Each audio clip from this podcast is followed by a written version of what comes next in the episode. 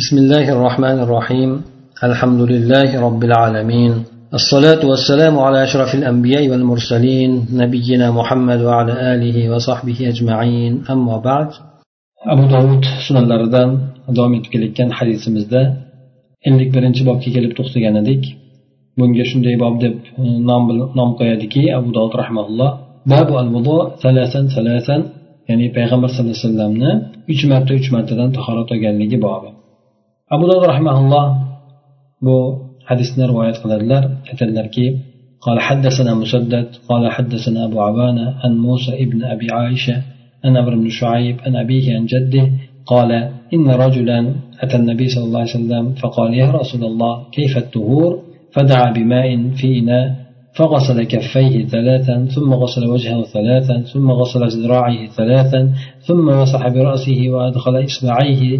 السباحتين في أذنيه ومسح بإبهاميه على ظاهر أذنه وبالسباحتين باطن أذنه أذنيه ثم غسل رجليه ثلاثا ثلاثا ثم قال هكذا الوضوء فمن زاد على هذا أو نقص فقد أساء وظلم أو ظلم وأساء.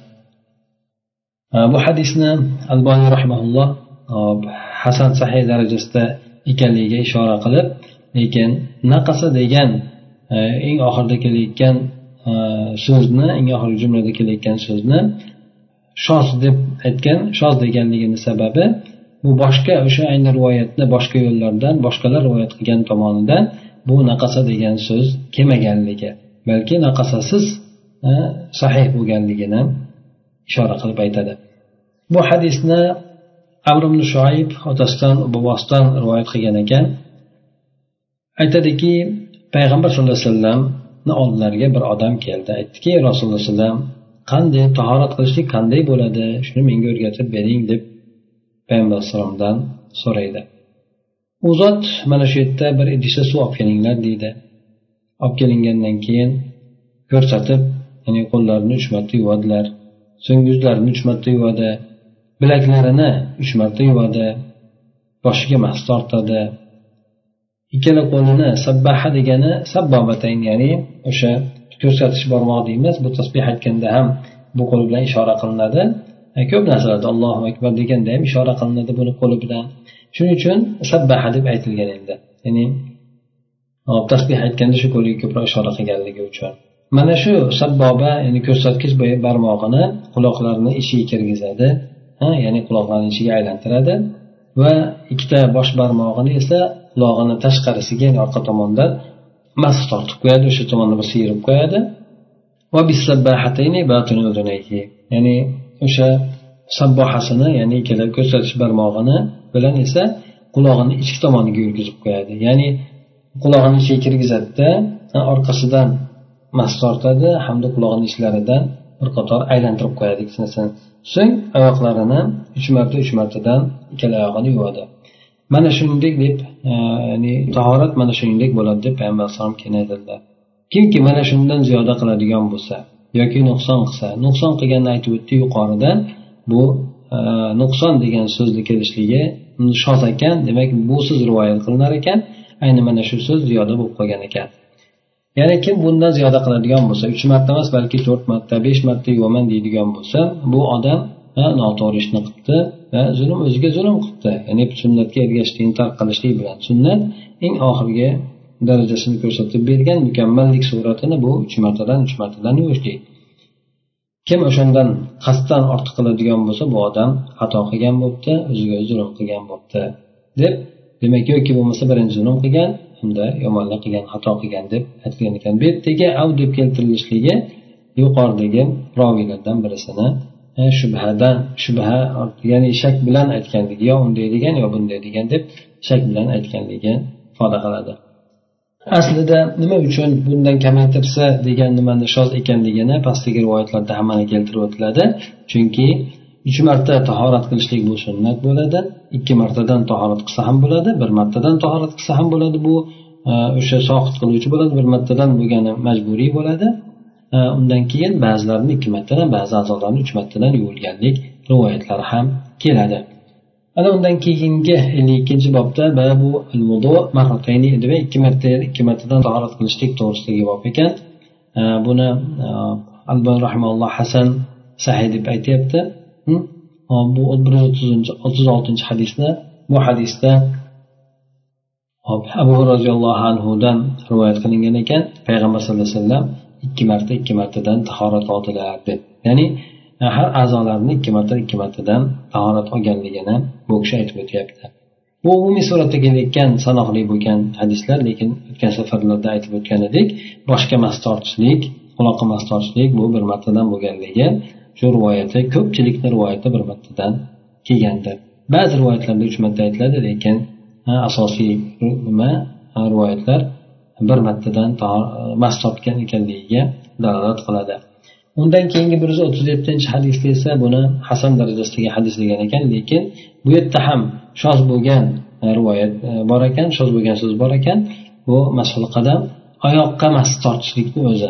Quruq oyoqni o'ziga mos tortishlikni o'zi shoz shoz degani aytib o'tgan edik bu siqa bo'lgan odamni o'zidan ko'ra ya'ni ishonchliroq bo'lgan yoki ko'proq ishonchliroq bo'lgan odamlarga muxolif suratda zid suratda rivoyat qilishligi ya'ni ularga muxolif suratda ular ulardan boshqacha rivoyat qilishligi. Bu hadisni ibn abbos roziyallohu anhudan rivoyat qilinadi. Bu kishi aytadilarki men sizlarga rasululloh sollallohu alayhi vasallam qanday qilib tahorat olayotganligini ko'rsatib qo'yishligimni xohlaysizlarmi? deb so'radilarda ana undan keyin suv bo'lgan ichida suv bo'lgan bir idishni olib kelinglar dedi. Keyin o'ng qo'li bilan unda bir hovuch suv oldi. Og'ziga suv oldi og'zini chayqadi hamda burniga suv oldilar. So'ng keyin esa boshqasiga suv oldida ikkalasini o'rtasini jamladi. Ya'ni boshqatdan suv olib turib ikkala qo'lini jamladi. Ya'ni ikkala qo'liga bir qo'lda suv olib turib ikkinchi qo'li bilan ikkalasini jamladida so'ng yana keyin yuzini yuvdi. Ya'ni yuzini ikki qo'li bilan yuvdi. Ikkala qo'l bilan ikkala qo'lni ishlatgan holatda o'sha suv bilan yuzini yuvdi. So'ng e, yana boshqa bir e, suv oldida u bilan ikkala qo'lini yuvdi. So'ng yana boshqa olib turib o'ng qo'lini yuvdi keyin chap qo'lini yuvdi. So'ng yana bir suvdan bir changal oldida so'ng uni qo'lini silkitib silqitib yubordi silqitib turib suv qolmagandan keyin to'kilgandan keyin keyin boshiga va ikkita qulog'iga mas tortdi. So'ng yana bir boshqa bir suvdan qabz oldi hm? ya'ni bir changal oldida uni oyog'iga sochdi keyindan keyin. U o'ng oyog'ida oyoq kiyim bor edi. So'ng masahaha biyadayhi ikkala qo'li bilan uni masx qildi ya'ni artdi siypadi. Bir qo'lini oyoqni oyog'ini qadamini ustida bo'lgan holatda bir oyog'i esa oyoq kiyimini ostida bo'lgan holatda uni bir qator e, oyoqlarini mas ya'ni oyoqlarini bir siypadi. So'ng chap oyoq bilan ham shunday qildi. Bu rivoyat buxoriy ham rivoyat qilgan ekan bu yerda ikkita qulog'iga hamda oyoqlariga mas tortishliksiz yuqoridagi rivoyatni keltirgan ekan. Bu abu dovud keltirgan rivoyatda oxirgi paytda o'sha qo'liga oyog'iga suv sepib turib uni keyin keyin ishqaydi bunday aytganda masaha degani qo'lini siyiradi o'sha bir oyog'ini tepasida qilib turib bir oyog'ini oyoq kiyimini pastidan qilib turib siyradi shuning uchun bu rivoyatni shoz degan sababi boshqalar bu oyog'ini yuvganligini keltirib aytishadida yuvganligini keltirib aytishadida hech qanaqangi bu qo'li bilan oyog'iga mas tortganligini oyog'ini o'ziga mas tortganligini bunaqa suratda to'g'ri sahiy rivoyat qilishmagan deb aytishadi. Demak bu e, hadisda o'zi aslida e, olimlar aytishadiki abu dovud bu yerda ikki martadan ikki martadan deb keltirdi yuqoridagi hadis ikki martadanligiga dalolat qiladi lekin quyidagi bo'lgan hadisda ikki martadan ikki martadan payg'ambar alayhisalom tahorat olganligiga dalolat yo'q. Lekin buni e, bu kishi bu yerda keltirib o'tgan ekan aslida bu yerda payg'ambar alayhissalom e, mana pastda ham keltiradi bir marta bir martadan tahorat olganligi deb bu yerda ham ayni o'sha bir martadan tahorat olganligini rivoyat qilingan xolos. Ellik uchinchi hadisda keltiriladiki yani bir marta bir martadan tahorat olishlik. Bu abu e, abu dovud rahimalloh buni aytadilarki حدثنا مسدد قال حدثنا يحيى عن سفيان قال حدثني زيد بن أسلم عن عطاء بن يسار عن ابن عباس رضي الله عنهما قال ألا أخبركم بوضوء رسول الله صلى الله عليه وسلم فتوضأ مرة مرة يعني من sizlarga rasululloh sollallohu alayhi vasallamni qanday tahorat olganligini xabarini bermaymi deb bir qiziqtirishlik suratida aytdida keyin uni o'zidan aytdiki payg'ambar alayhisalom bir marta bir martadan tahorat olgandilar deb o'zlari javob qilib aytadilar. Demak bir martadan tahorat olishlik aytib o'tdik. Bu eng kam bo'lgan kifoya qiluvchi bo'lgan holat bo'ladi. Uch martadan tahorat olishligi esa bu narsa fazilat bo'ladi. Ikki martadan ham tahorat olishlikni yuqorida aytib o'tildi. Demak ikki uch marta qiladigan bo'lsa to'liq sunnatga ya'ni ajr oladi. Bu tahoratni mukammal darajada qilgan hisoblanadi. Hop ikki marta olganni ajri nisbatan uchtalik bo'lgandan ko'ra kamroq lekin bu ham baribir ajr qo'shimcha ajr bilan oladi. Bittadan bo'lganida esa inson bu farzlarni ado etgan bo'ladi va bu bilan o'sha farzni ado etganligini o'ziga ajr oladi. Mana shu bilan demak e, bu bittadan tahorat qilishlik kifoya qiladi lekin. Undan keyingi bobda keltiradiki hop endi og'ziga suv olib og'izni chayqashlik bilan burunga suv olishlik o'rtasini ajratishlik to'g'risidagi bob. bu hadisni alboy rahmaulloh ham boshqa olimlar ham zaif deb keltirgan ekan bundan keltirishligidan murod mana aytib o'tiladiki talhadan rivoyat qilingan ekan otasidan bobosidan aytadiki دخلت قال دخلت يعني على النبي صلى الله عليه وسلم وهو يتوضأ والماء يسير من وجهه ولحيته على صدره فرأيته يفصل بين المضمضة والاستنشاق demak men payg'ambar sallallohu alayhi vasallamni huzurlariga kirgan edim u kishi tahorat olayotgandilar suv esa u kishini soqollaridan hamda yuzlaridan ko'kragiga oqib tushar edi men u kishini o'sha og'zini chayqashlik bilan burnini chayqashlik o'rtasini ajratgan ekanlik e, ajratgan holatda ko'rdim ikkalasiga alohida suv olayotganligini ko'rdim deb keltiradi. Bu hadis garchi zaif bo'lsa ham boshqa hadislarda ham keladi. Hop ya'ni e, tahorat olayotgan paytida og'izni chayqashlik bilan burun chayqashlik borasida. Ikkalasini rivoyat jihatidan kuchliroq rivoyatlar kelganligi san'atlari kuchliroq kelganligi mana abdul boriyni e, muallifi ham aytadiki bu ikkalasini o'rtasini jamlab e, tahorat qilinganligi. Ya'ni bir bir yuqorida oldingi hadislarimizda kelib o'tganda bir qo'lda suv olib turib yarmini og'ziga yarmini burniga uradida ana shu bilan birdaniga og'zini ham chayqaydi burnini ham qoqadi. Mana shu demak ikkalasini jamlab qilganligi bu rivoyatlar ko'proq kelgan ekan. Shuningdek ikkalasini alohida alohida ajratib qilganlik rivoyatlari ham bor. Demak uch marta mana ibn abi mulaykani usmon roziyallohu anhudan qilgan rivoyatida yuqorida aytib o'tgan edik. Bunda o'sha uch marta alohida og'ziga suv olib chayqaganligi keyin uch marta alohida burniga suv olib chayqaganligi mana shuni rivoyati kelgandi. Demak ikkala surat ham birdaniga orasini uzmasdan jamlashlik ham bo'laveradi. Ikkalasini alohidadan e, uni uch marta buni uch martadan alohidadan bo'lib yuvishlik ham bo'laveradi. Undan keyin mana ellik e, beshinchi bobda keltiriladiki babun fil ya'ni e, burunga suv olib qoqishlik to'g'risida kelgan bob. Bu hadisni mana bir yuz qirqinchi hadis ekan albon rahmaulloh sahiy deb keltiradi. bu hadisni abu roziyallohu anhudan rivoyat qilingan ekan أن رسول الله صلى الله عليه وسلم قال إذا توضأ أحدكم فليجعل في أنفه ماء ثم لينصر ya'ni payg'ambar sallallohu alayhi vasallam aytdilarki agar birontalaringiz tahorat oladigan bo'lsa burniga suvni qismda ya'ni burniga suv tortsinda so'ng uni qoqib ya'ni havo bilan chiqarib tashlasin shamol bilan chiqarib tashlasin deb Endi buni undan keyingi hadisda keltiradiki bir yuz qirq birinchi hadisda bu hadisni ibn abbos roziyallohu anhudan rivoyat qilingan ekan. Rasululloh alayhi vasallam aytdilarki ya'ni sizlar ikki marta judayam yetuk qilib bo'rlaringizni qoqinglar yo bo'lmasa uch marta qoqinglar degan. Ya'ni ikki martada juda yetuk mubolag'a bilan qilinglar yoki bo'lmasa uch marta qilinglar dedim. Uch marta qilganda ham o'sha o'sha suvni o'zi chiqib ketadi. Hop ya'ni o'sha burundagi yaxshilab tozalashlik ya'ni alloh taologa ibodat qiluvchi bo'lgan odam o'zini e, kirliklardan pok pokiza tutadi. Ana o'shalarni jumlasidan burunni ham inson tozalashligi yoki yuzini yuvishligi oyoqlarini yuvishligi bu alloh taoloni huzuriga pok pokiza bo'lib ibodatiga turishligidir insonni. Ana o'sha jihatidan e, mubolag'a bilan qilishlikka e, mana bu hadisda aytib o'tildi. Undan keyingi hadisimizda ham bir yuz qirq ikkinchi hadis ekan buni ham sahiy deb keltirilgan. Bu hadis biroz uzunroq bu hadisni laqit ibn sabaradan rivoyat qilinadi bu aytadiki bu kishi aytadiki كنت وافد بني المنتفق أو في وفد بني منتفق. أو إلى رسول الله صلى الله عليه وسلم. قال فلما قدمنا على رسول الله صلى الله عليه وسلم فلم نصادفه في منزله وصادفنا عائشة أم المؤمنين. قال فأمرت لنا بخزيرة فصنعت لنا. قال فأوتينا بقناع ولم يقل قتيبة القناع والقناع الطبق فيه تمر ثم جاء رسول الله صلى الله عليه وسلم هل أصبتم شيئا أو أمر لكم بشيء؟ قلنا قال قلنا نعم. يا رسول الله قال فبين نحن مع رسول الله صلى الله عليه وسلم جلوس إذ دفع الراعي غنمه إلى المراح ومعه صخلة تعير فقال ما ولدت يا فلان؟ قال بهمة. قال فاذبح لنا مكانه مكانها شاة ثم قال لا تحسبن ولم يقل لا تحسبن.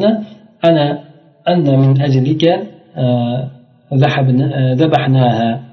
لنا غنم مئة. لا نريد أن تزيد. فإذا ولد الراعي بهمة ذبحنا مكانها شاة قال قلت يا رسول الله إن لي امرأة وإن في لسانها شيئا يعني البذاء. قال فطلقها إذا قال قلت يا رسول الله إن لها صحبة ولي منها ولد. قال فمرها يقول عظها. فإن يك فيها خير فستفعل ولا تضرب ضعينتك كضربك أميتك. فقلت يا رسول الله أخبرني عن الوضوء. قال أسبغ الوضوء وخلل بين الأسابيع أصابع وبالغ في الاستنشاق إلا أن يكون صائما. Laqit ibn sabra aytadiki men bani muntafiq qabilasini elchisi bo'lib nomidan kelgan edim yoki o'shalarni elchiligini ichida kelgan edim rasululloh sollallohu alayhi vasallamni huzurlariga. Biz payg'ambar sallallohu alayhi vasallamni oldiga kelgan paytimizda u kishini uylarida topmadik. Oysha umul mo'minin roziyallohu anhoni topdik. Keyin u kishi biz uchun o'sha hazira degani mayda mayda qilib to'g'rab pishirilgan go'sht ekan. Ana o'shani biz uchun buyurdi. Biz uchun o'sha narsa qilindi. Ya'ni bizga o'sha taomni e, go'sht mayda mayda qilib kesilgan go'shtni tayyorlab berildi bizga. Keyin keyin yana bizga qino ya'ni bir toboqni xurmosi bilan bo'lgan toboqni berildi. Bu yerda roviylardan birisi qutayba kelyapti yuqorida mana aytib o'tilgan. Ho'p o'sha qutayba qino degan so'zni aytmagan ekan yoki qinoni tushunarli bo'lgan so'zni aytmagan ekan. Qino degani bu tovoq ekan ichida xurmosi bo'lgan xurmo solingan tovoq. So'ng payg'ambar sallallohu alayhi vasallam o'zlari kelib qoldilar. Aytdilarki biror narsa oldinglar biron sizga yetdinglarmi yoki sizlarga biron narsa buyurildimi ya'ni biron narsa uydan e, biron tamaddi qilib oldinglarmi? Sizlarga uydan biron narsa olib chiqildimi? degan nisbatda payg'ambar sallallohu alayhi vasallam uylariga keldilar bularni ko'rib turib e, biron ovqat yedinglarmi deb bulardan so'radi. Aytdiki hay rasululloh alayhi biz yedik deb javob qildik deydi. Keyin biz payg'ambar sallallohu alayhi vasallam bilan birga o'tirgan edik. Birdan o'sha yerda cho'pon odam o'zini qo'ylarini qo'yxonaga yetaklab keldi. Qo'yxonaga haydab keldi. U bilan birgalikda hmm, shu qo'ylar bilan birgalikda bir e, qo'zi bor edi. Marab kelayotgan qo'zi bor edi.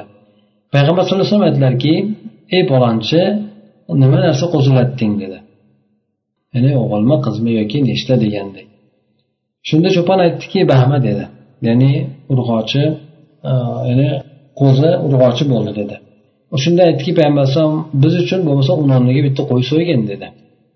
So'ng aytdilarki payg'ambar alayhisalom la tahsibanna sizlar ay tahsabanna. Ya'ni bu tahsibanna tahsibanna tahsabanna degani bu ikki xil Э, iste'mol bu tahsibanna tahsibanna qur'onda ham keladi bu ikki xil qiroatda keladi. Ya'ni ikkalasi ham e, bir biriga juda yaqin ma'noni ifoda qiladi. Ya'ni o'ylamanglar degani biz ya'ni biz sizni deb turib bu qo'yni so'ydi deb o'ylamang. Ya'ni biz sizga ja takalluf qilayotganimiz yo'q oshiqcha oshiqcha masalan bo'rttirib sizni deb biz qo'ylarni so'yayotganimiz yo'q. Bunday deb o'ylamanglar biz kamtarinlikdan sizlarni mehmon qilyapmiz deb payg'ambar alayhissalom demak ularni ko'nglini ya'ni hijolatdan qutqarishlik uchun aytdilar. Bizni o'zi aslida yuzta qo'yimiz bor edi. Biz uni ko'payib ketishligini xohlamaymiz agar bir cho'pon bir qiz tug'diradigan urg'och tug'diradigan bo'lsa uni o'rniga bir qo'yni biz so'yamiz. Bitta tug'dirsa o'sha o'rniga biz boshqa qo'yni so'yamiz. Ya'ni o'sha yuzta bo'yi qolaveradi deb aytgan ekanlar. Shunda men aytdimki dedi rasululloh meni bir ayolim bor. Uni tili juda bema'ni bir narsa bor ya'ni tili bema'ni har xil gaplarni gapirib tashlaydi. Deb aytuvdim deydi payg'ambar alayhisalom aytdilarki unday bo'lsa qo'yib yuborgin uni dedi. Agar senga shunaqa yoqmayotgan bo'lsa ha tili bema'ni bo'ladigan bo'lsa unda yashamagin birga qo'yib yuborgin dedi. Taloq bergin dedi. Shunda u odam aytdiki rasululloh uni bir suhbati bor. Ya'ni ancha yildan beri men bilan birga yashaydi. Undan tashqari meni undan farzandim ham bor dedi. Bo'lmasa dedi unga pand nasihat qilgin. Nima narsalarda itoat qilishligi kerak nima narsa rioya qilish kerak shu narsalarni unga o'rgatgin aytgin buyurgin dedilar. Agar unda yaxshilik bo'ladigan bo'lsa yaqinda sen ya'ni yaqin yaxshilik bo'ladigan bo'lsa shunga yarasha muomalasini qilasiz. Endi mabodo unday bo'lmaydigan bo'lsa bu ayolingni ya'ni xuddi cho'ringni urgandek urmagin deb aytdilar. Cho'rini urgandek kalta savalagandek solimagin ayolingni dedilar. Ya'ni ya'ni payg'ambar alayhisalom ayol kishiga u darajada zulm bermaslikni bu yerda aytdilar endi. Men aytdimki rasululloh keyin tahorat haqida menga xabar bering dedim. Shunda aytdilarki tahoratni mukammal qilib olgan. Barmoqlaringni orasini ham tahlil qilgin ya'ni oralariga suv yetkazgin va burunga suv olishlikda ham mubolag'a qilgin ya'ni ichkariga tortib olgin illo ro'zador bo'ladigan bo'lsang bundan mustasno deb aytdilar. Demak yuqoridagi bu hadisda bir qancha hukmlar o'tdi. Bulardan keladigan kelgan mehmonni mehmon qilishlik.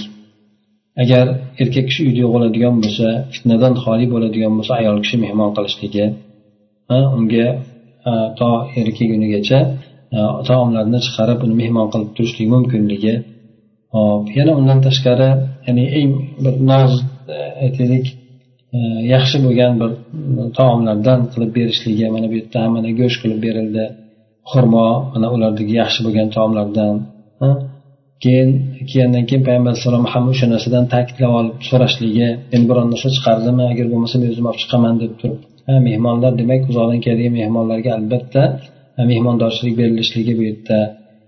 Keyin keyin o'sha yerda payg'ambar alayhissalom mehmonlarni ko'nglini hijolat qilmasligi uchun qo'lni so'rashga buyurdida lekin sababini aytib qo'ydi biz takalluf qilayotganimiz yo'q ha bundan hijolat bo'lmanglar degan maqsadda u kishi to'g'ri gapni aytdilar agar boshqa maqsadda so'yayotgan bo'lsam yo sizlar uchun degan narsani o'ylasin deb turib indamay qo'yib bergani yo'q balki to'g'ri maqsadini bayon qilib qo'ydilar.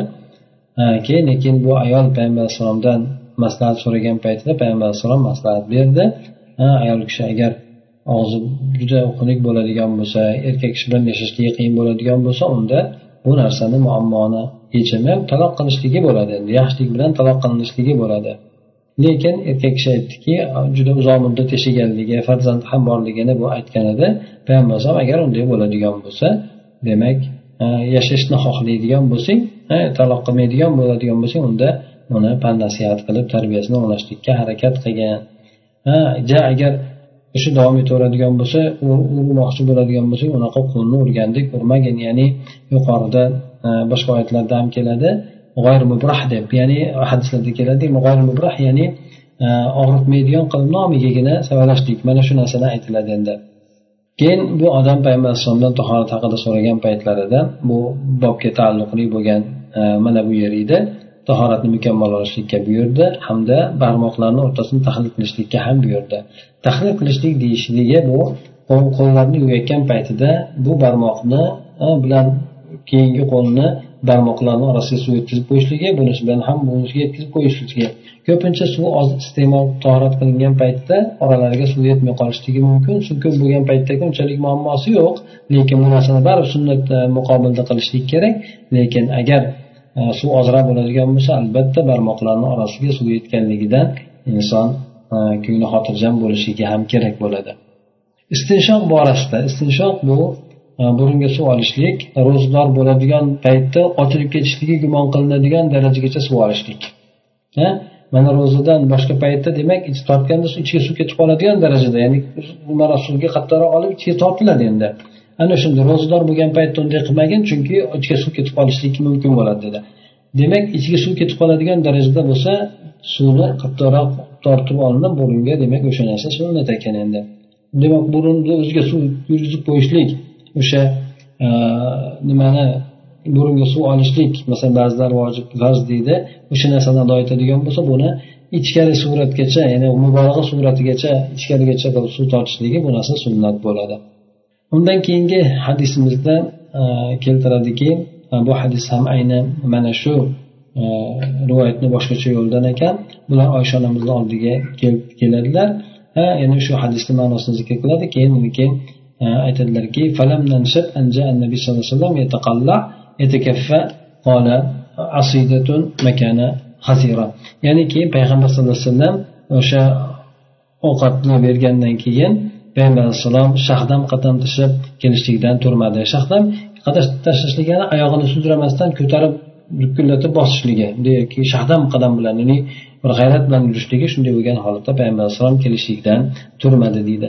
Yuqoridagi hazira ya'ni mayda mayda qilib kesilgan go'sht o'rniga bu keyingi bir rivoyatda o'sha yoq unni yoqqa qo'shib qovurib qovurib ovqat qilib berganligini aytiladi. Ehtimol u ham bu ham bo'lgan bo'lsa kerak endi.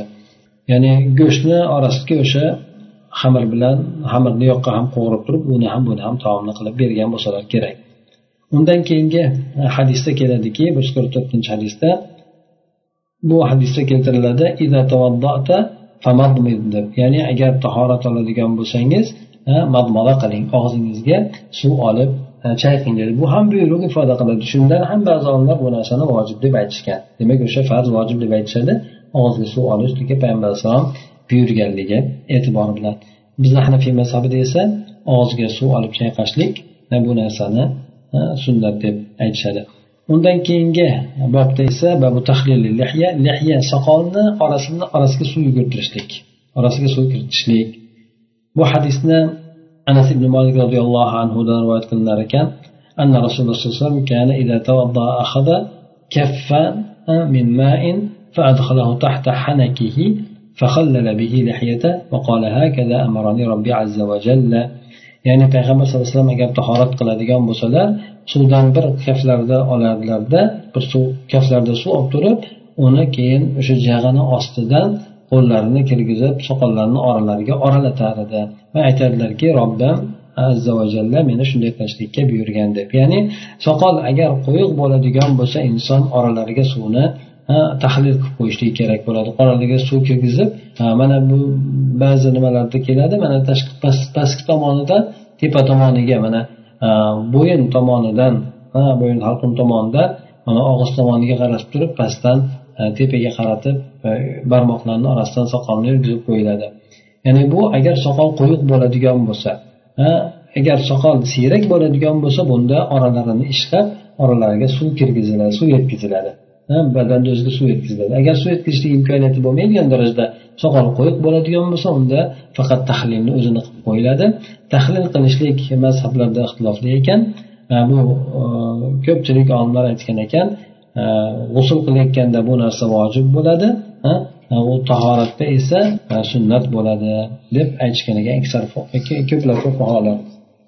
Hop mana shu bo'lmasa bugungi e, hadisimizdan ham tahoratga aloqador bo'lgan masalalarda hali ham davom etyapmiz inshaalloh kamchiliklarimiz bo'ladigan bo'lsa tahorat olishlikda shu narsalar bilan to'g'irlab ketishligimiz keyin bu o'rinlarda ham shu tahorat borasidagi masalalardagi hukmlarni ham yaxshilab bilib ketishligimiz bu to'g'risidagi mana hadislarni o'rganish orqali bo'ladi inshaalloh سبحانك اللهم وبحمدك نشهد أن لا إله إلا أنت نستغفرك ونتوب إليك اللهم انفعنا بما علمتنا وعلمنا ما ينفعنا وزدنا علما